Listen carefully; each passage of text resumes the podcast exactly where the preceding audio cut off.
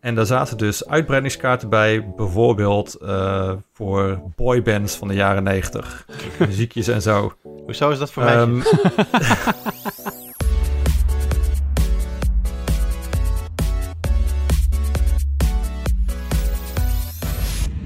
Hoi, leuk dat je luistert en welkom bij de Tweakers Podcast, aflevering 183. We lopen richting de 200 zo langzamerhand. Dat wordt wel echt een uh, jubileumpje. Uh, mijn naam is Arnoud. Ik zit vandaag aan de digitale virtuele tafel met Jurian Ubachs. Goedemorgen. En Middag. Olaf, of avond. of nacht. En Olaf van Miltenburg inderdaad, yes. Hallo. Um, en uh, ja, we gaan het vandaag onder meer hebben over de Nationale Wasstraat. En als je het niet kent, dan klinkt het als iets waar je auto doorheen kan laten gaan om hem lekker schoon te laten maken met wat dreft of zo.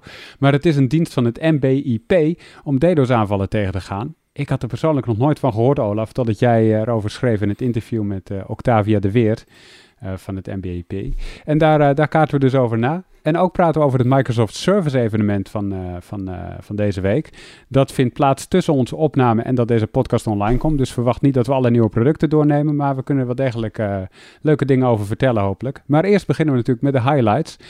Olaf, dan begin ik bij jou. ja, mijn highlight um, bevindt zich eigenlijk in het Bonami Computermuseum. Dat is een, een museum um, dat, dat is gespecialiseerd op spelcomputers. Mm -hmm. Uh, ik ben er zelf nog nooit geweest, maar het schijnt ontzettend leuk te zijn. Ben je er nog nooit geweest? Ik ben er nog nooit geweest. Ah, je moet er echt heen. Is het, is het die in Zwolle of die in Brabant? Zwolle. Uh, Zwolle. Ah ja. Ja. In, uh, in Brabant heb je inderdaad het, uh, het Home Computer Museum. Ja, ja, dus, ja. er zijn er meerdere. eigenlijk altijd om elkaar. Ja, nee, dit is Bonamiet, ook wel, eh, dat, die is ook wel, bestaat al veel langer, die, die, die, eh, die is ook wel wat bekender, zeg maar. Mm -hmm. um, maar die hebben een, een, nieuw item in hun collectie en dat is een apparaatje van Philips en dat heet de Into-IT.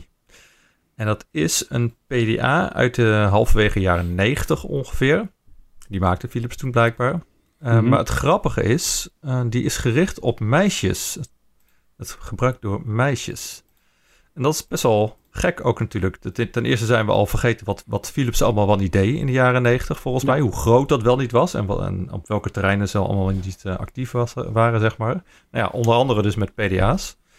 Um, maar ze hadden dus een afdeling en dat was gericht op um, het, het, maken van producten specifiek voor kinderen en dan IT-producten. Kidscom, Kiscom afdeling heette dat. Oh, En die uh, hebben dus onderzoek gedaan en die bedachten op een gegeven moment, nou ja, laat, laten we ons eens met PDA's op meisjes gaan richten. Hè? Al, al die producten zijn vaak een beetje op jongens gericht en wij maken een PDA voor meisjes. Maar dit was, welke leeftijd hebben we het dan over? Ja, 12 tot met 14 jaar ongeveer. Aha. En um, ja, het, het, het, is een grappig apparaatje. Het is best wel een beetje gekleurd. Het is handzaam. Het werkt op batterijen. Uh, monochroom scherm. Um, en uh, het heeft bijvoorbeeld infrarood, zodat je verbinding kan maken met verschillende PDA's om te chatten bijvoorbeeld. Uh -huh. um, en dan vraag je natuurlijk af, oké, okay, maar waarom is het, hè, waar uitzicht dat in dat het op meisjes gericht is? Want het is, het is geen roze ding of zo, dat niet. Um, maar je kan dus de uh, functionaliteit uitbreiden met een soort kaarten, een soort opslagkaarten. En daar zaten dus uitbreidingskaarten bij, bijvoorbeeld uh, voor boybands van de jaren 90. Muziekjes en zo. Hoezo is dat voor mij? Um, of, nou, maar dat is, een andere was bijvoorbeeld het verzorgen van paarden. En er was er ook eentje uh, voor astrologie. En dat is best wel vreemd. In het, het, ik weet niet of dat nu nog zou kunnen eigenlijk. Maar het zijn zulke stereotype dingen eigenlijk. Uh, aan de ene kant goed, want, want ze willen blijkbaar meisjes geïnteresseerden maken in IT. Dus dat, is, dat, dat is goed, denk ik. Um, maar om het dan toch weer op zulke, met stukken stereotype programma's te doen, dat is natuurlijk wel een beetje uh, questionable. Maar jij vertelt me nu dus dat er in de tijd dat ik die leeftijd had een apparaat was waarmee ik met mensen in mijn klas had kunnen chatten via infrarood. En ik wist dat niet. Ik, ik kom in, ik, wil zeggen mind blown, maar dat is echt zo. Want ik denk echt van, dit had ik willen hebben toen. Ja, dat is toch fantastisch? Het, het, is mij ook niet helemaal duidelijk waarom het... Het, het is geen succes, succes, geworden. Er zijn er geloof ik iets van duizend gemaakt of zo. Het, is niet helemaal duidelijk waarom het nou uh, geflopt is. Dus er, er, was, er was best wel mee getest. Ik geloof dat er een partij naar Finland is gegaan ook... voor educatieve doeleinden, zeg maar. Mhm. Maar ik lees wel dingen dat bijvoorbeeld de, de processor niet meer ehm, op, geproduceerd werd op een gegeven moment van dat, van dat ding. Ehm, maar ook dat er bijvoorbeeld te weinig interesse was vanwege van de ontwikkelaars om daar nieuwe programma's voor te ontwikkelen. Ehm, ja, en ik denk ook wel, Philips was met zoveel bezig. ik denk ook dat, er interne problemen misschien hebben meegespeeld.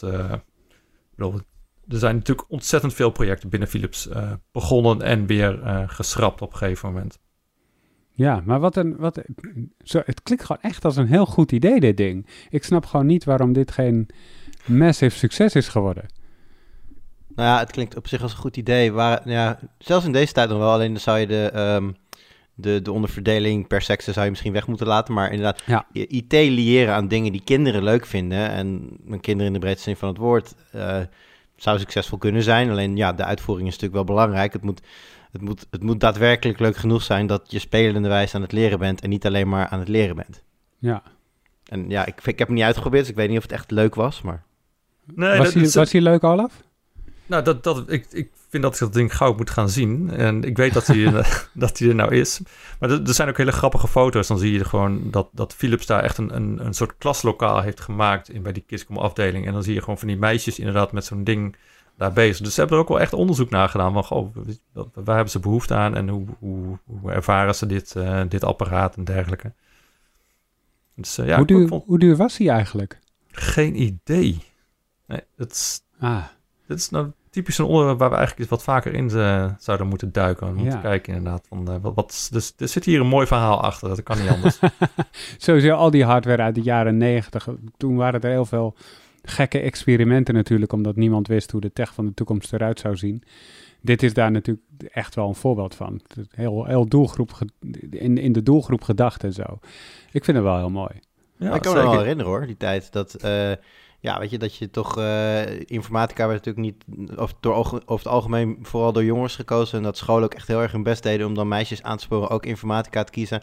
Nou ja, en dat, in iets als dat dan ging in die tijd... lacht hij dat met z'n allen een beetje weg als jongens zijn. Omdat iedereen zoiets had van... ja, computers is toch vooral voor jongens.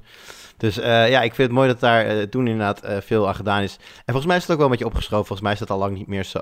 het zal nog steeds wel redelijk skewed naar de mannelijke bevolking zijn. Maar volgens mij zijn er zeker wel resultaten in. Wellicht niet met dit, voorwerp, met dit apparaat, maar toch zeker op andere manieren. Maar als je verder de, terug de tijd in gaat, Olaf, want de, dat, je zegt dat zo en ik heb dat ook zo ervaren in, in de tijd dat ik jong was. Maar de eerste generatie programmeurs, als in de jaren 60, dat waren toch vooral vrouwen? Um, ja, dan heb je het echt over um, code inkloppen van die, die oude mainframes. Ja. In de jaren 60, begin jaren 70 inderdaad, ja. Dat, dat werden toen in Nederland in ieder geval rekenmeisjes genoemd. Ook weer iets waar je natuurlijk vraagtekens bij kan, uh, kan zetten. Maar dat waren inderdaad vooral vrouwen die inderdaad van die hele boekwerken met code inderdaad moesten, moesten inkloppen. Ja. ja. ja. Opvallend dat dat dan zo is verschoven binnen enkele tientallen jaren. Interessant uh, cultureel fenomeen. Anyway, het is dus te zien in dat, uh, in dat museum in Zwolle, Olaf. Ja, uh, daar sta je dus binnenkort op de stoep? Zeker, ja. Ik wilde echt uh, graag, eh, niet alleen vanwege dit apparaat. Ik denk dat ze dan nog veel meer interessante apparaten hebben. Ik bedoel, ja. Er zijn allerlei gekkigheden natuurlijk in de loop van de jaren ontwikkeld uh, op gamegebied en ook op, op andere computing, computing toepassingen. Ja. ja. ja. ik ben er geweest met, me, met mijn zoon een paar jaar geleden. Fantastische middag gehad. Toen hadden ze Mario-expositie.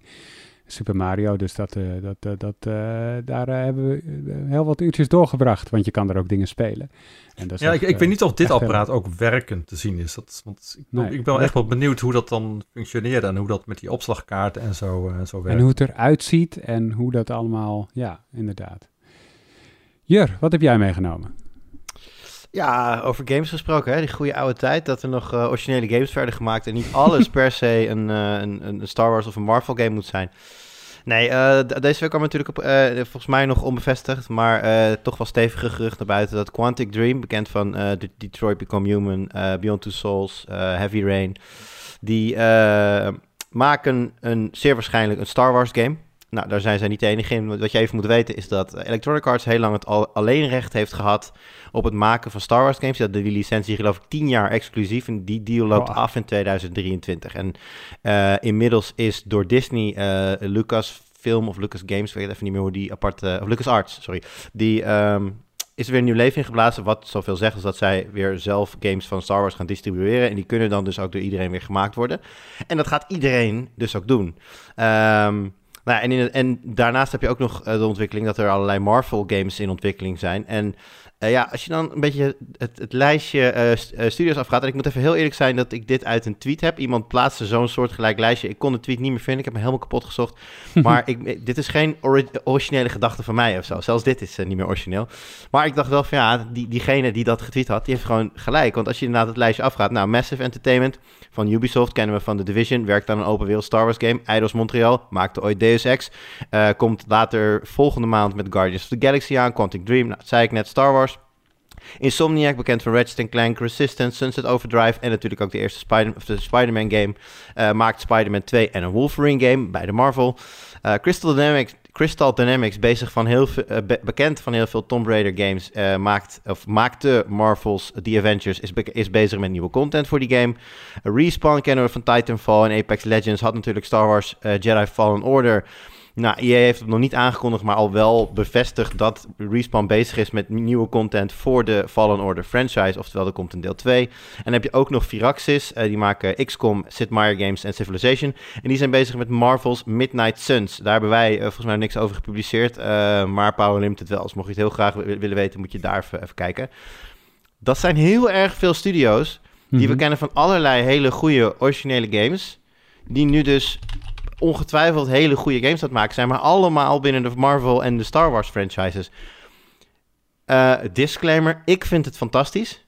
Ik maar dacht ik denk het al, dit moet toch de hemel voor je zijn? Nou, ik weet niet of je mijn shirt kan zien, maar het is... Hè? Ik zit hier met een hoekje op mijn borst, dus ik, uh, ik, uh, ik, ik vind het fantastisch. En vergeet, laten we ook Asper Games niet vergeten, die een remake voor de PlayStation 5 had maken zijn van Knights of the Old Republic. Helemaal fantastisch.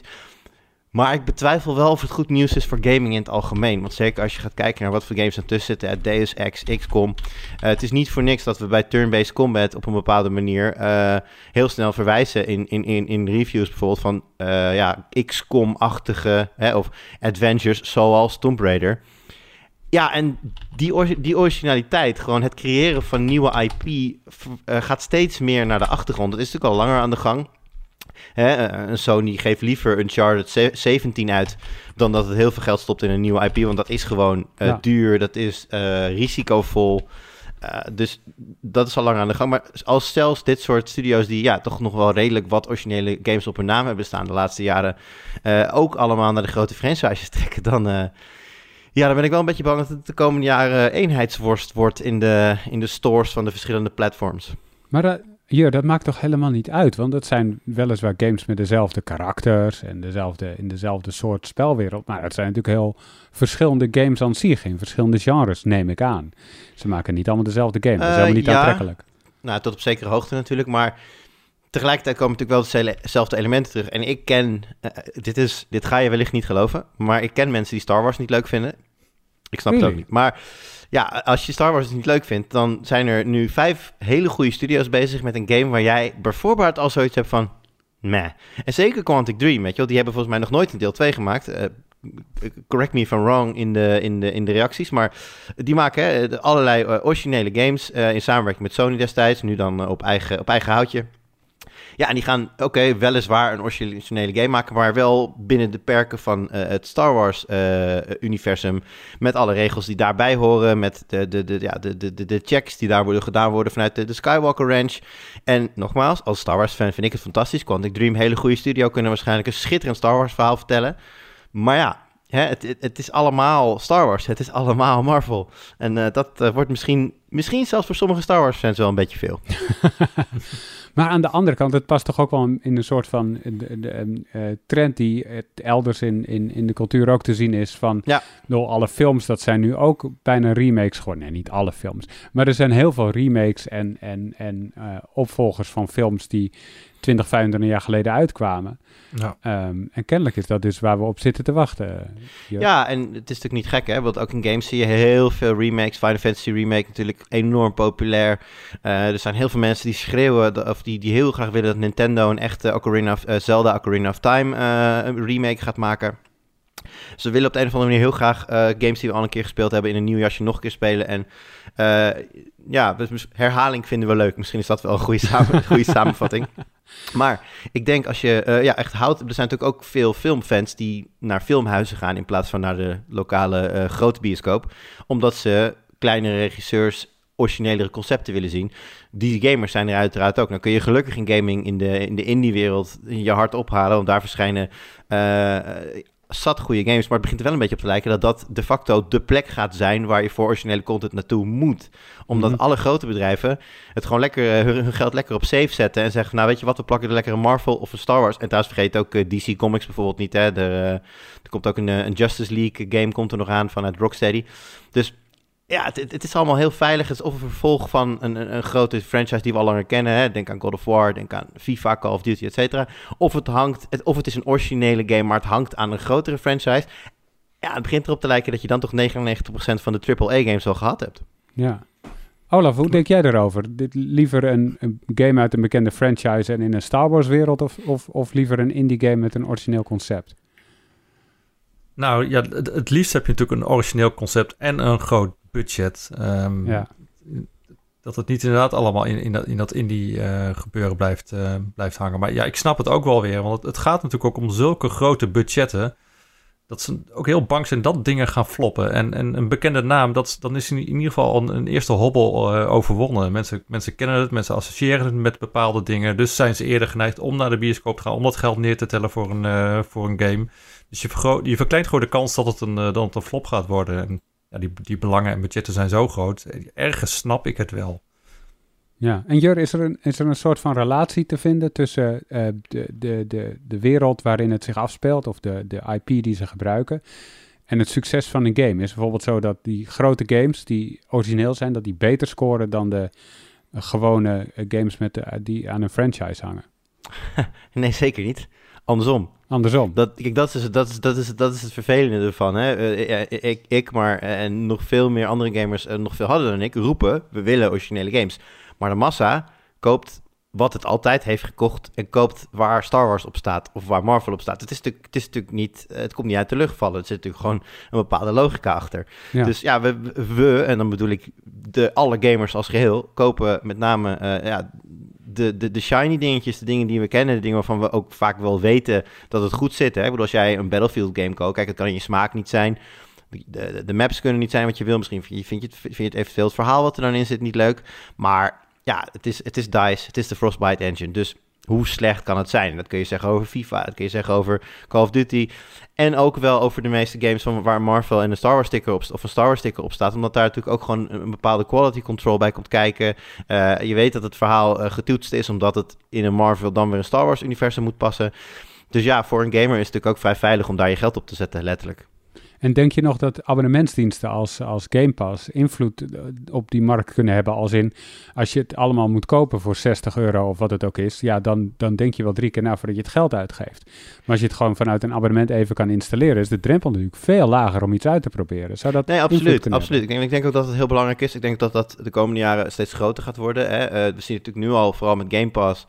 Um, ja, neem een game als uh, eh, 12 Minutes of, of, of Hades. Gewoon twee nou ja, niet per se klein, want er zit wel wat marketing achter. Maar dat zijn games die veel mensen nu uitproberen of hebben uitgeprobeerd deze zomer.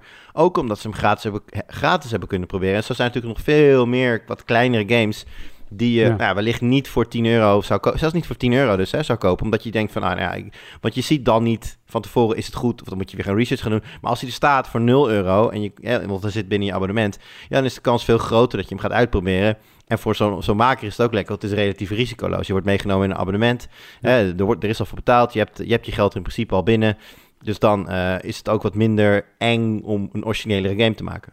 Ja, nou, misschien uh, kan dat een reddingsboei zijn die uh, de gamesmarkt redt van de eenheidsworst komende jaren. Ja, ik hoop niet dat ze allemaal luisteren, want anders zit ik hier over een paar jaar te vertellen dat er te weinig Star Wars games en te weinig Marvel games op, de, op de markt komen. Dus het, gaat, het, is overigens wel vaak cyclisch hoor. Je hebt vaak wel, uh, als je nou, 30 jaar terug gaat in de gamewereld, dan heb je vaak blokken van een aantal jaar dat er heel veel games van een bepaald subgenre of binnen een bepaalde franchise of zo verschijnen. En dan weer heel lang niet. En dan weer, dus waarschijnlijk, die kans is vrij groot dat ik over een paar jaar klaag dat het te weinig Star Wars is. yes. Maar dat zal nog eh, even duren. En uh, tot slot wilde ik het nog hebben over eigenlijk twee dingen die helemaal los van elkaar staan. Dus ik cheat een beetje. Um, maar ja, ik ben de host, dus wie zegt er wat van?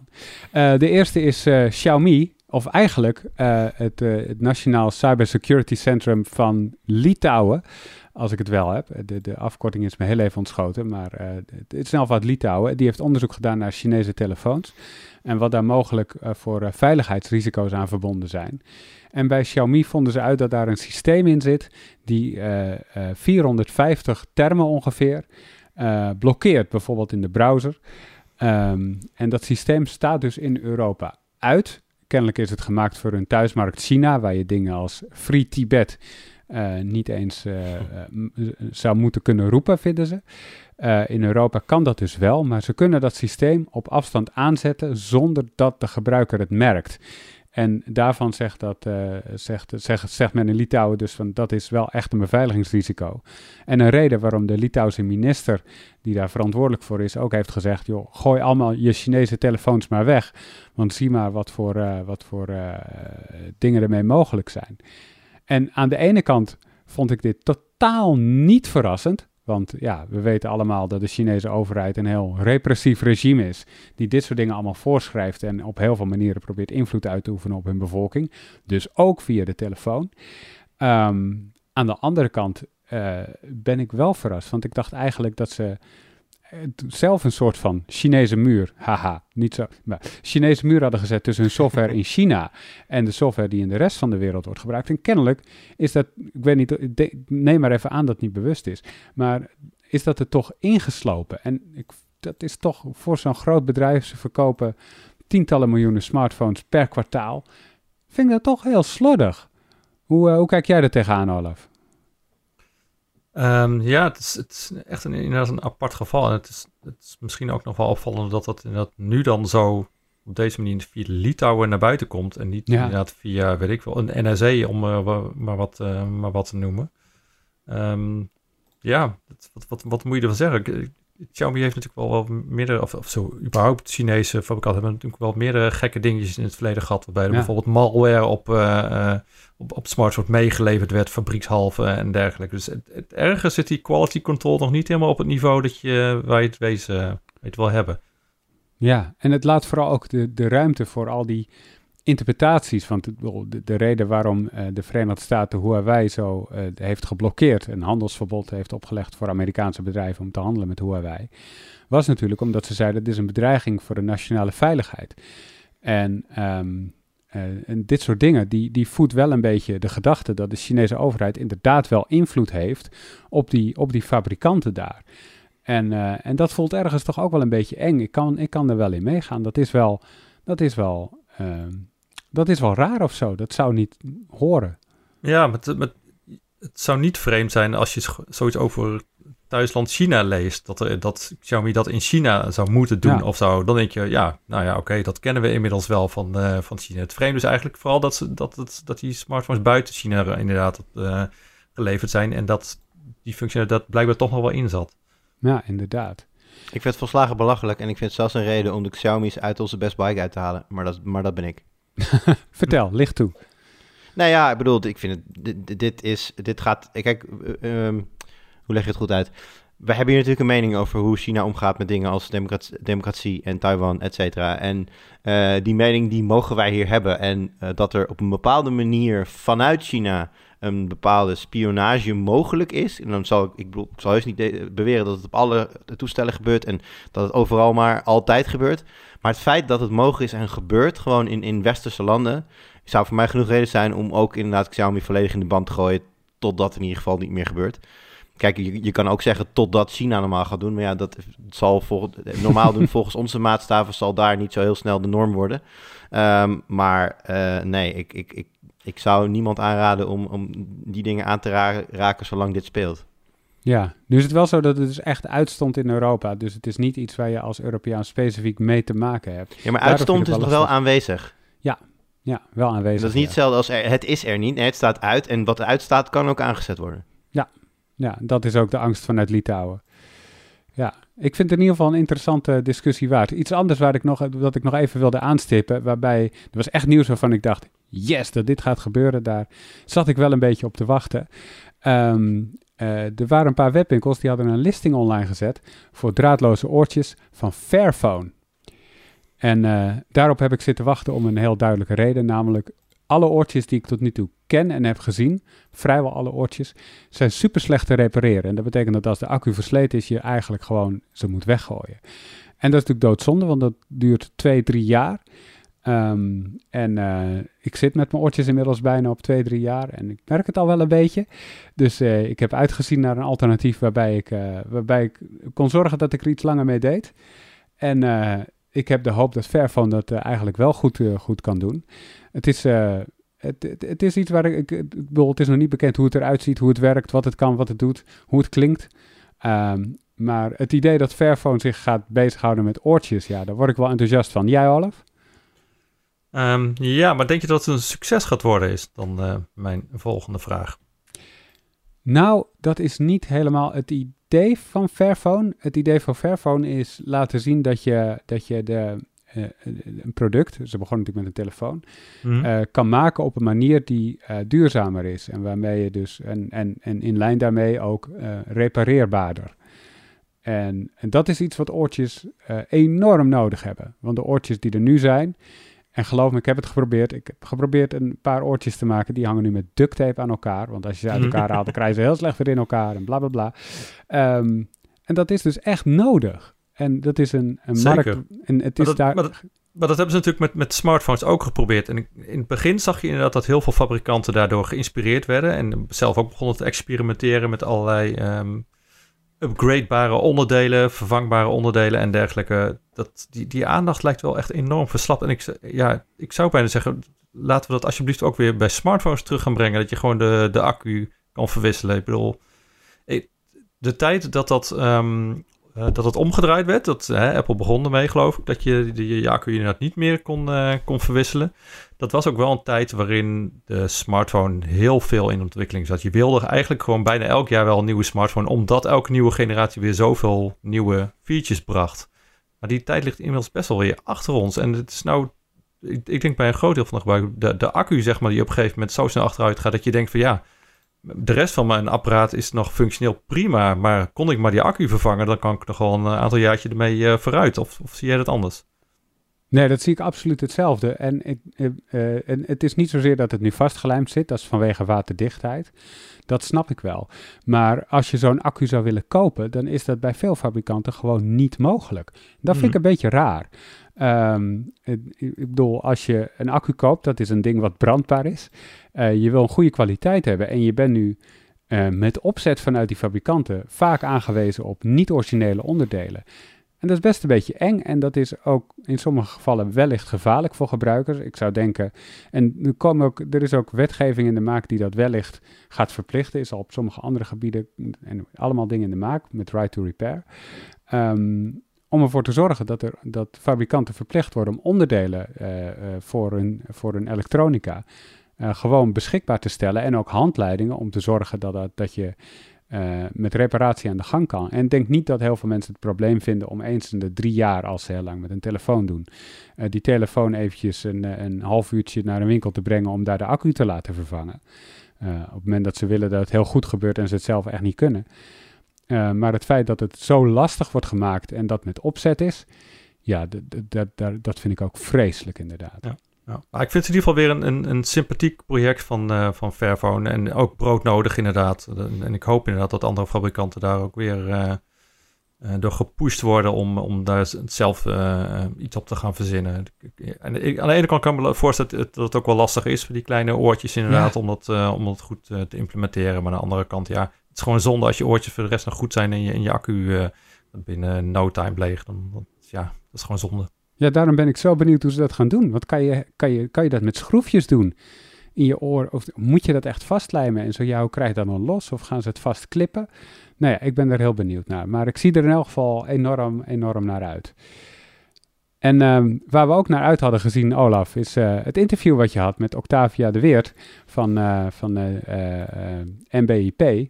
Mm um, maar laten we even beginnen bij het begin. Niet iedereen is op de hoogte, denk ik. Wat is MBIP en waarom bestaat het? Ja, de NBIP dat staat voor de Nationale Beheersorganisatie Internet Providers. Ehm, en die bestaan 20 jaar. Wow. Ehm, en die naam is ook niet zo heel bekend bij, ja, ik denk bij, een groot, bij een deel van ons publiek wel op, uh, op Tweakers, maar daarbuiten niet zo. En zelfs bij een groot deel van de Tweakers-lezers denk ik dat die nou niet heel veel bellen doet, uh, doet rinkelen.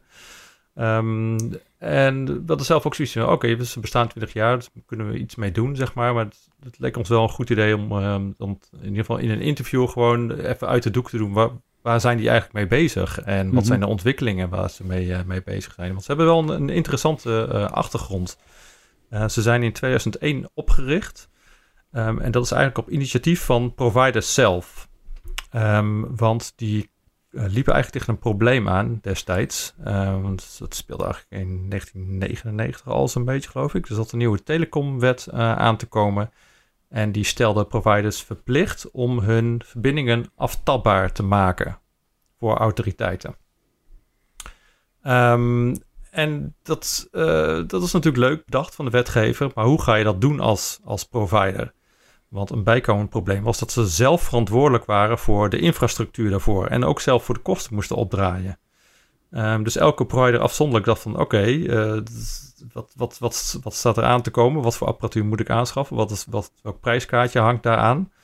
Um, en toen was op zich natuurlijk wel verstandig dat ze bij elkaar uh, zijn gekomen en samen besloten hebben van hoe gaan we hiermee om? Nou ja, laten we hier een aparte uh, organisatie voor oprichten die dat voor ons gaat doen. Hè, dan, bundelen we de kosten, uh, hoeven we maar één keer zeg maar, die infrastructuur uh, aan te schaffen en die kunnen we dan op ons netwerk aansluiten en zo hebben we een soort gezamenlijke dienst zeg maar, om onze netwerken aftapbaar te maken. Dus dat is eigenlijk een beetje de, de, de achterliggende uh, uh, reden zeg maar, voor de oprichting. Dat is wel grappig, ik heb wat, wat, wat oude artikelen uh, gelezen uit die tijd. Dat die providers die, ja, die, die zaten daar toen echt wel mee in hun maag. Van wat, wat zit er op ons af te komen? Onder andere Access for All uiteraard. Mm -hmm. Die was, ja. had felle kritiek op dit hele plan. En ook dat de providers dit allemaal maar zelf moesten uitzoeken. Um, dus maar goed, die, die organisatie is daar uh, uit voortgekomen, uit dat, eigenlijk dat gezamenlijke probleem wat ze destijds hadden. Maar hoe, hoe moet je dat zien? Is het, is het een busje die, uh, die dan rondrijdt met die tapapparatuur en dan komen ze bij een provider en daar pluggen ze het in.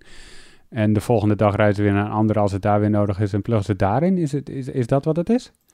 Uh, onder andere, ja. Dus het, het, er is natuurlijk er is veel um, informatie wat afgetapt kan worden. En het kan via allerlei verschillende manieren, dus wel met allerlei waarborgen om, omkleden. Um, maar ze doen dat dus inderdaad nog fysiek. Ze hebben gewoon fysiek inderdaad apparatuur om gewoon naar een provider toe te rijden, zeg maar, daar een bepaald systeem zeg maar, op aan te sluiten en zo bepaalde data eraan te, te onttrekken. Dus dat, dat is, voor een deel is dat inderdaad gewoon rondrijden met een busje, ook wel om dat dat natuurlijk in zekere zin ook wel uh, veiligheid kan bieden. Klinkt gek ja. nu inderdaad, maar dat, uh, dat is wel zo.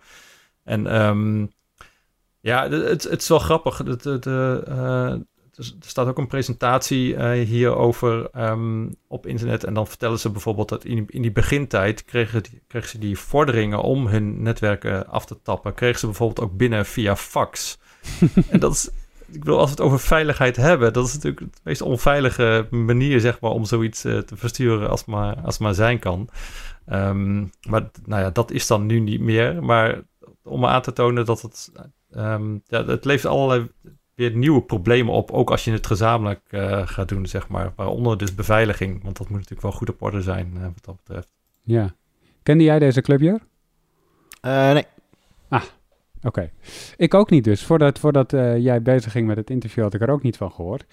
Um, en, en toen vertelde je ook dat ze een dienst hebben om DDoS-aanvallen tegen te gaan. Toen dacht ik, hé, hey, dat is iets heel anders. Waarom, waarom hebben ze dat ook gedaan dan? Nou, de, de oorzaak daarvan is eigenlijk um, vergelijkbaar. Uh, DDoS, we weten natuurlijk allemaal um, wat, dat, wat dat zijn en ook welke schade ze kunnen uh, toebrengen. En de eerste partij die daar last van heeft, is de provider. Ik bedoel, de, daarna hebben banken er last van, uh, websites, klanten en dergelijke. Maar providers, dat, dat is natuurlijk het eerste doelwit van zo'n van zo'n DDoS-aanval. Dus naarmate die aanvallen, aanvallen toenamen, Um, in, um, nou ja, we hebben het dan over 2010, zeg vanaf 2010. Mm werd ook de noodzaak steeds groter om zich daartegen te weren. Uh, en opnieuw geldt dan van, ga je dat als provider zelf doen?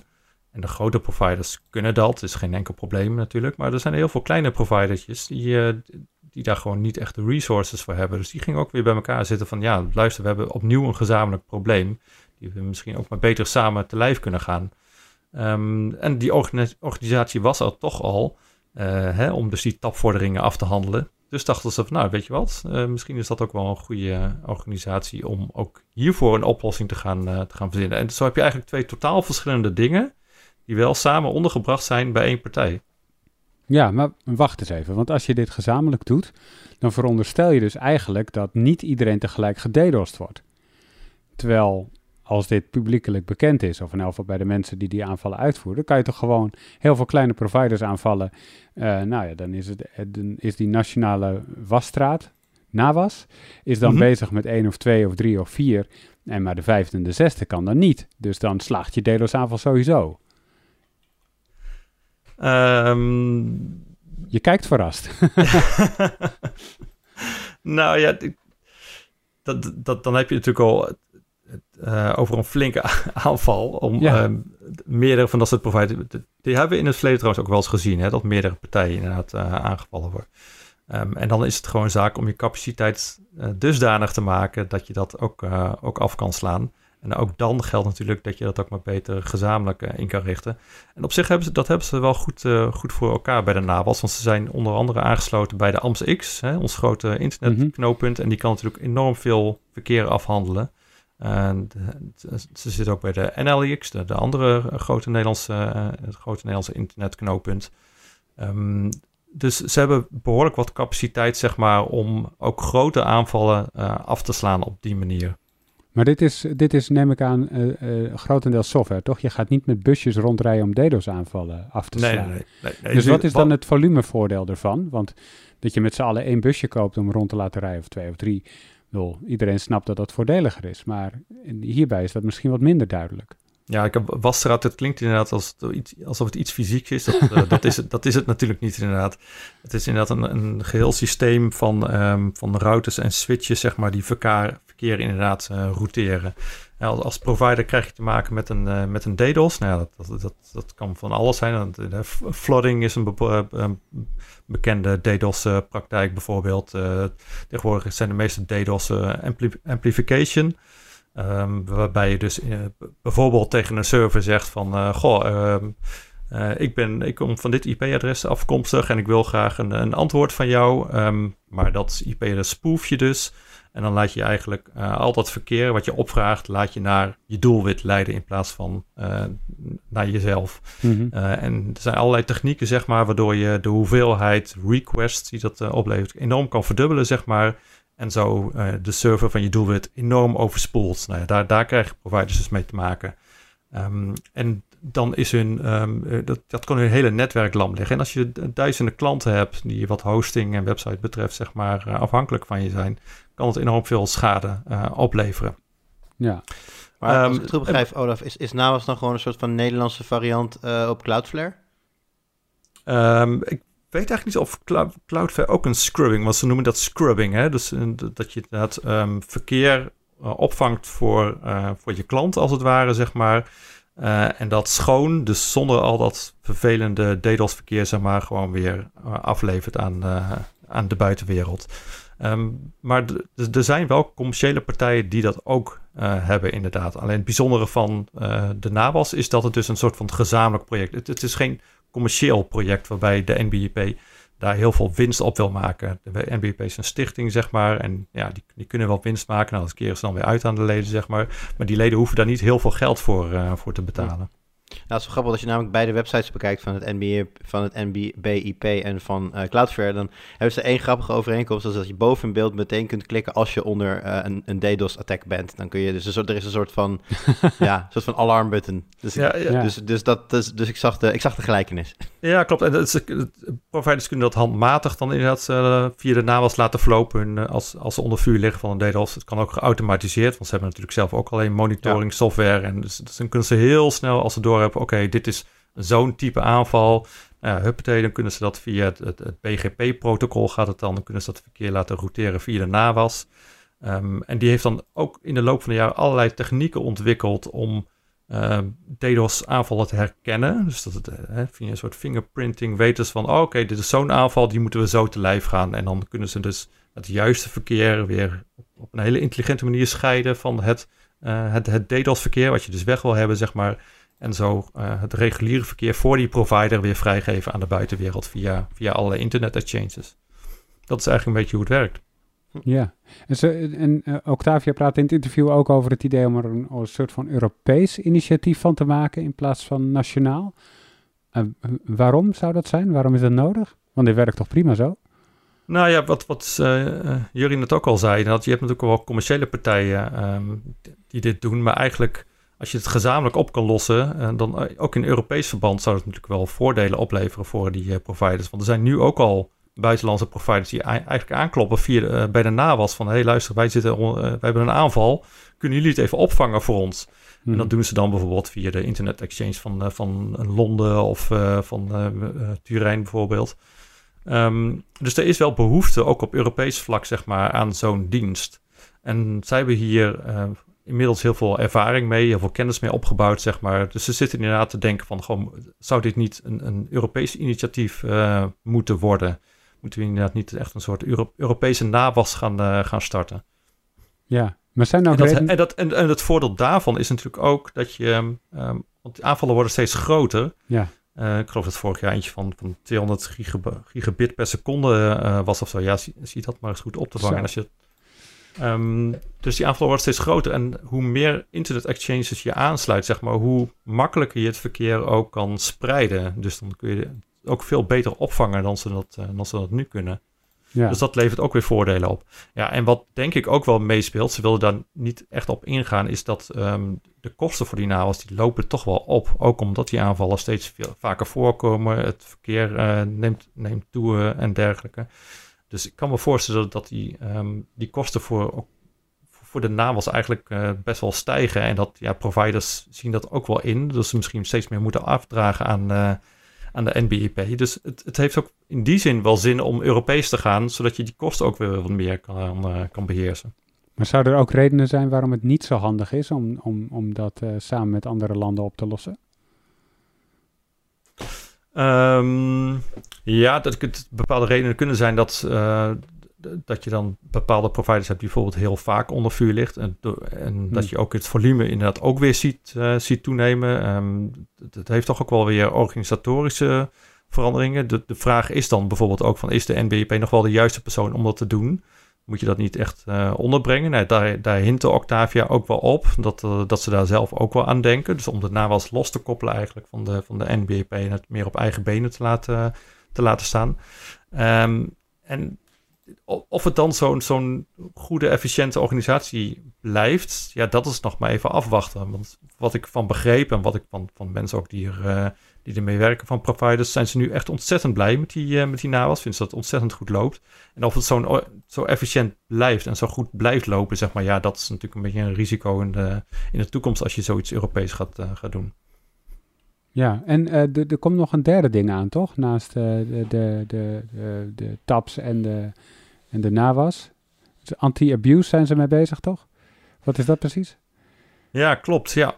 Nou ja, dat is ook weer zo'n probleem waar um, de meeste providers wel mee te maken hebben. En dat is uh, kwetsbaarheden in je netwerken en, en, dingen op je servers. Hè. Ieder geval hostingpartijen hebben daar bijvoorbeeld mee te maken. Dat er dingen op je server staan um, die daar eigenlijk niet, niet horen. Uh, ik noem bijvoorbeeld een uh, command and control systeem, zeg maar, om, om botnets te beheersen of, of of andere malafide, uh, malafide software, zeg maar, die je eigenlijk niet op je netwerk wil, uh, wil hebben. ze zijn daar nu allemaal zelf verantwoordelijk voor om dat gewoon in de gaten te houden en te verwijderen en dergelijke. En dat is ook wel iets wat ze dan gezamenlijk willen gaan aanpakken. Dus waar de NBP dan aan werkt, is een, een soort feed, zo omschreef Octavia het, van meldingen. Um, die ze dan naar de verschillende providers kunnen sturen. Echt ook gebaseerd zeg maar, op het werk van zo'n provider. Zo van, uh, oh, we, we, merken dat dit soort kwetsbaarheden zeg maar, plaatsvinden. En nou ja, jij hebt zo'n netwerk waar dat, waar dat kan zitten, zeg maar die kunnen dan op basis van die feed daarop inspringen. En ehm, ja, die dingen verwijderen, hun netwerken veiliger maken en dergelijke. Um, bepaalde kwetsbaarheden met software, zeg maar, die kunnen spelen, zeg maar, kunnen ze dan heel snel gaan, uh, gaan verbeteren, zodat die niet uitgebuit kunnen worden. Dus ook op het gebied van, van beveiliging en abuse proberen ze zo ja, een gezamenlijk platform uh, in gang te zetten. Maar is dat niet gewoon een, een, een CVE, een kwetsbaarheden database met een zoekfilter? Um, in zekere zin wel. Um, alleen, ja, het probleem is dat uh, de, ene provider gaat daar gewoon beter mee om. Hè. Dus er zijn providers die hun, hun, hun digitale beveiligingshygiëne prima op orde, zeg maar. En anderen hebben dat gewoon minder.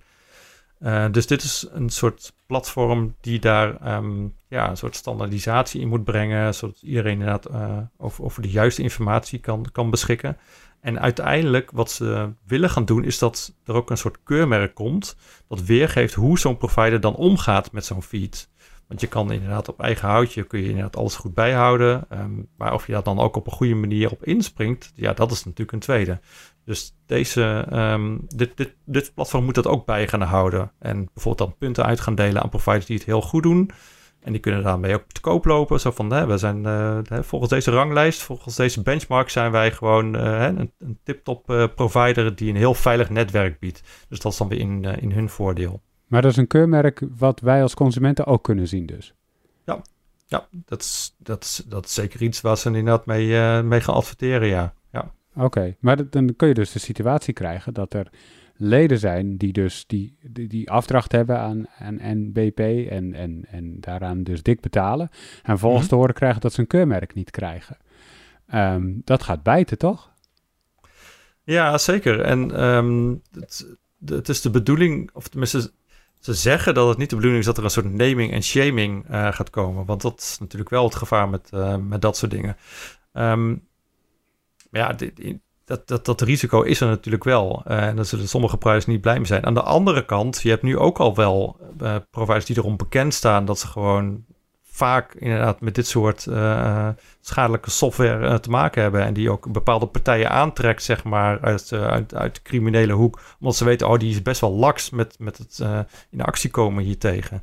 Dus er, dat is er nu ook al wel enigszins. En het is ja, dat, dat soort uh, kwaadaardige providers, zeg maar, die verpesten het ook een beetje voor de providers die wel heel goed doen. Want ja, de hele sector kan daardoor een, een slechte naam gaan krijgen. Dus dat is het ook wel een beetje om gewoon de, de, de sector wat dat betreft een betere naam te geven en te laten zien, kijk, wij doen er met z'n allen wel wat, uh, wat aan.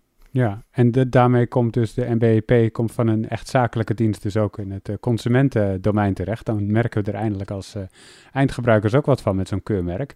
En weet je wie dat ooit ook heeft gedaan, uh, Olaf? Wie van een soort van een zakelijke naam een soort van consumentennaam heeft gemaakt?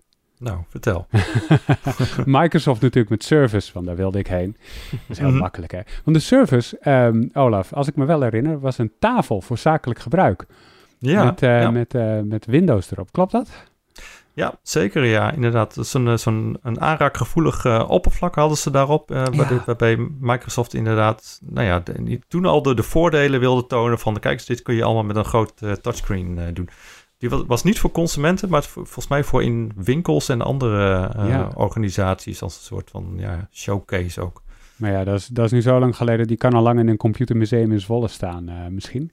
Uh, maar ongeveer negen jaar geleden, als ik me goed kan herinneren, Olaf, toen begon Microsoft met serviceapparaten voor consumenten. Kun je, kun je een beetje uitleggen, hoe, hoe kwam dat zo? Wanneer, wanneer, was dat ongeveer en waarom? Uh, ja, dat was 2012. Um, ehm, en dat, dat, dat waren toen inderdaad, uh, ze begonnen inderdaad met tablets. Mm -hmm. de Surface en de Surface RT. Ik weet niet of je je die nog kan herinneren. Dat was oh een, ja! Een tablet met een ARM-chip toen al. Um, en het de bedoeling van Surface was destijds eigenlijk vooral um, om een beetje richting te geven aan de markt. Um, Microsoft wilde heel graag laten zien hoe tof Windows 8 wel niet was. En hoe goed mhm. Windows 8 wel niet om kon gaan met, uh, met, met touchscreens. Dat, dat, dat moest het OS worden, zeg maar, wat touchscreen gebruik zeg maar, algemeen zou gaan, uh, gaan maken. Um, en, en Microsoft eigen producten zouden dan gewoon het voorbeeld moeten worden, ook voor andere fabrikanten van kijk, zo moet het. Wij hebben dit uh, besturingssysteem bedacht met dit in ons achterhoofd. En voor dit soort apparaten ehm, brengen we dat op de markt. Ehm, ja, wat natuurlijk ook meespeelde is dat de iPads, ik meen twee jaar daarvoor, zeg maar, op de markt was gekomen. Ja. Ehm, dus toen, de, de tijdgeest was toen ook heel erg van tablets gaan het helemaal worden. Hè? De, de post-PC-era, Olaf. Post-PC-tijdperk. Eh, ja, ja, ja, zeker. Dus Microsoft probeerde daar ook heel erg op in te spelen. Uh, nou ja, met Windows 8 en met de Surface-apparaten. Ja, en wat voor, wat voor, want ik ben, om heel eerlijk te zijn, ik ben de draad een beetje kwijt. Want het begon dus met die Surface uh, Pro en dus de Surface RT die ik alweer was vergeten. Maar inmiddels heb ik het idee dat er een hele waaier aan service producten is. Uh, kun je een beetje ons meenemen in die jungle? Voor welke apparaten ja, er allemaal zijn? Volgens mij zijn er inderdaad inmiddels iets van tien Surface apparaten. Wow. um, Ja, maar eh, op, op, op zich valt het, uh, valt het best mee. Je hebt dan uh, de Surface Pro. Dat is mm -hmm. het, eigenlijk het populairste uh, Surface apparaat. Dat is gewoon inderdaad die, die, die, die, tablet met dat toetsenbordje wat je eraan kan koppelen, zeg maar. het idee was daar, daarvan was inderdaad om een soort krachtige tablet met een ultrabook te combineren. Nou ja, daar heeft Microsoft dan, dan succes mee gehad. Um, dan heb je de Surface Go. Dat is eigenlijk de goedkopere variant daarvan. Een soort mm -hmm. instap Surface Pro zou je, zou je kunnen zeggen. Um, je hebt de Surface Book en dat is eigenlijk de, de, de, de high-end laptop. Um, die dan in het verleden ook wel met een, een, een los te koppelen touchscreen had. Maar het is toch vooral ook aan een krachtige laptop uh, te gebruiken. En je hebt de Surface Laptop. En dat is gewoon een standaard laptop. Zoals we die, ja, zoals we die, dat, dat zijn eigenlijk de vier voornaamste uh, apparaten.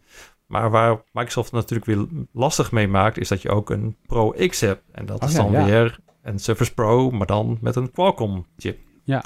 En je hebt dan ook weer de Surface Laptop Go, wat dan weer een soort instap laptop is. um, en dan hebben ze nog de, de All-in-One, de Surface Studio. Ja. En dat is een heel duur apparaat, maar ook wel een heel tof en innovatief apparaat. Um, dat is zo'n zo'n all-in-one met een soort opklapbaar scherm, waardoor je het ook als een soort van tafel kan gebruiken. Dus de Surface zoals het origineel een beetje was, maar dan anders. Ja, ja precies. Ja, ja. maar dat, dat is natuurlijk best wel een niche, niche apparaat wat gericht is op grafici die, die best wel wat geld hebben. Um, ja, en dan heb je nog wat, wat, wat andere producten uh, die in de loop van de jaren voorbij zijn. Je hebt de Surface Hub, wat dan zo'n groot, zo'n groot scherm is. Een, een soort een schoolbordachtig mm -hmm. uh, scherm, zeg maar. Um, en de Surface Neo natuurlijk, waar we nog op zitten te wachten met z'n allen. Ja. En de Duo, waar jij dan uh, weer meer vanaf weet uh, dan ik, denk ik. Ja. Maar zo is er inderdaad een heel, hele waaier aan Surface apparaten is in de loop van de jaren uitgekomen. Ja. ja. Trouwens, nu je het erover hebt, Surface Neo de, de, draaide Windows 10X en zo. Wat is gebeurd? Waarom is dat er niet?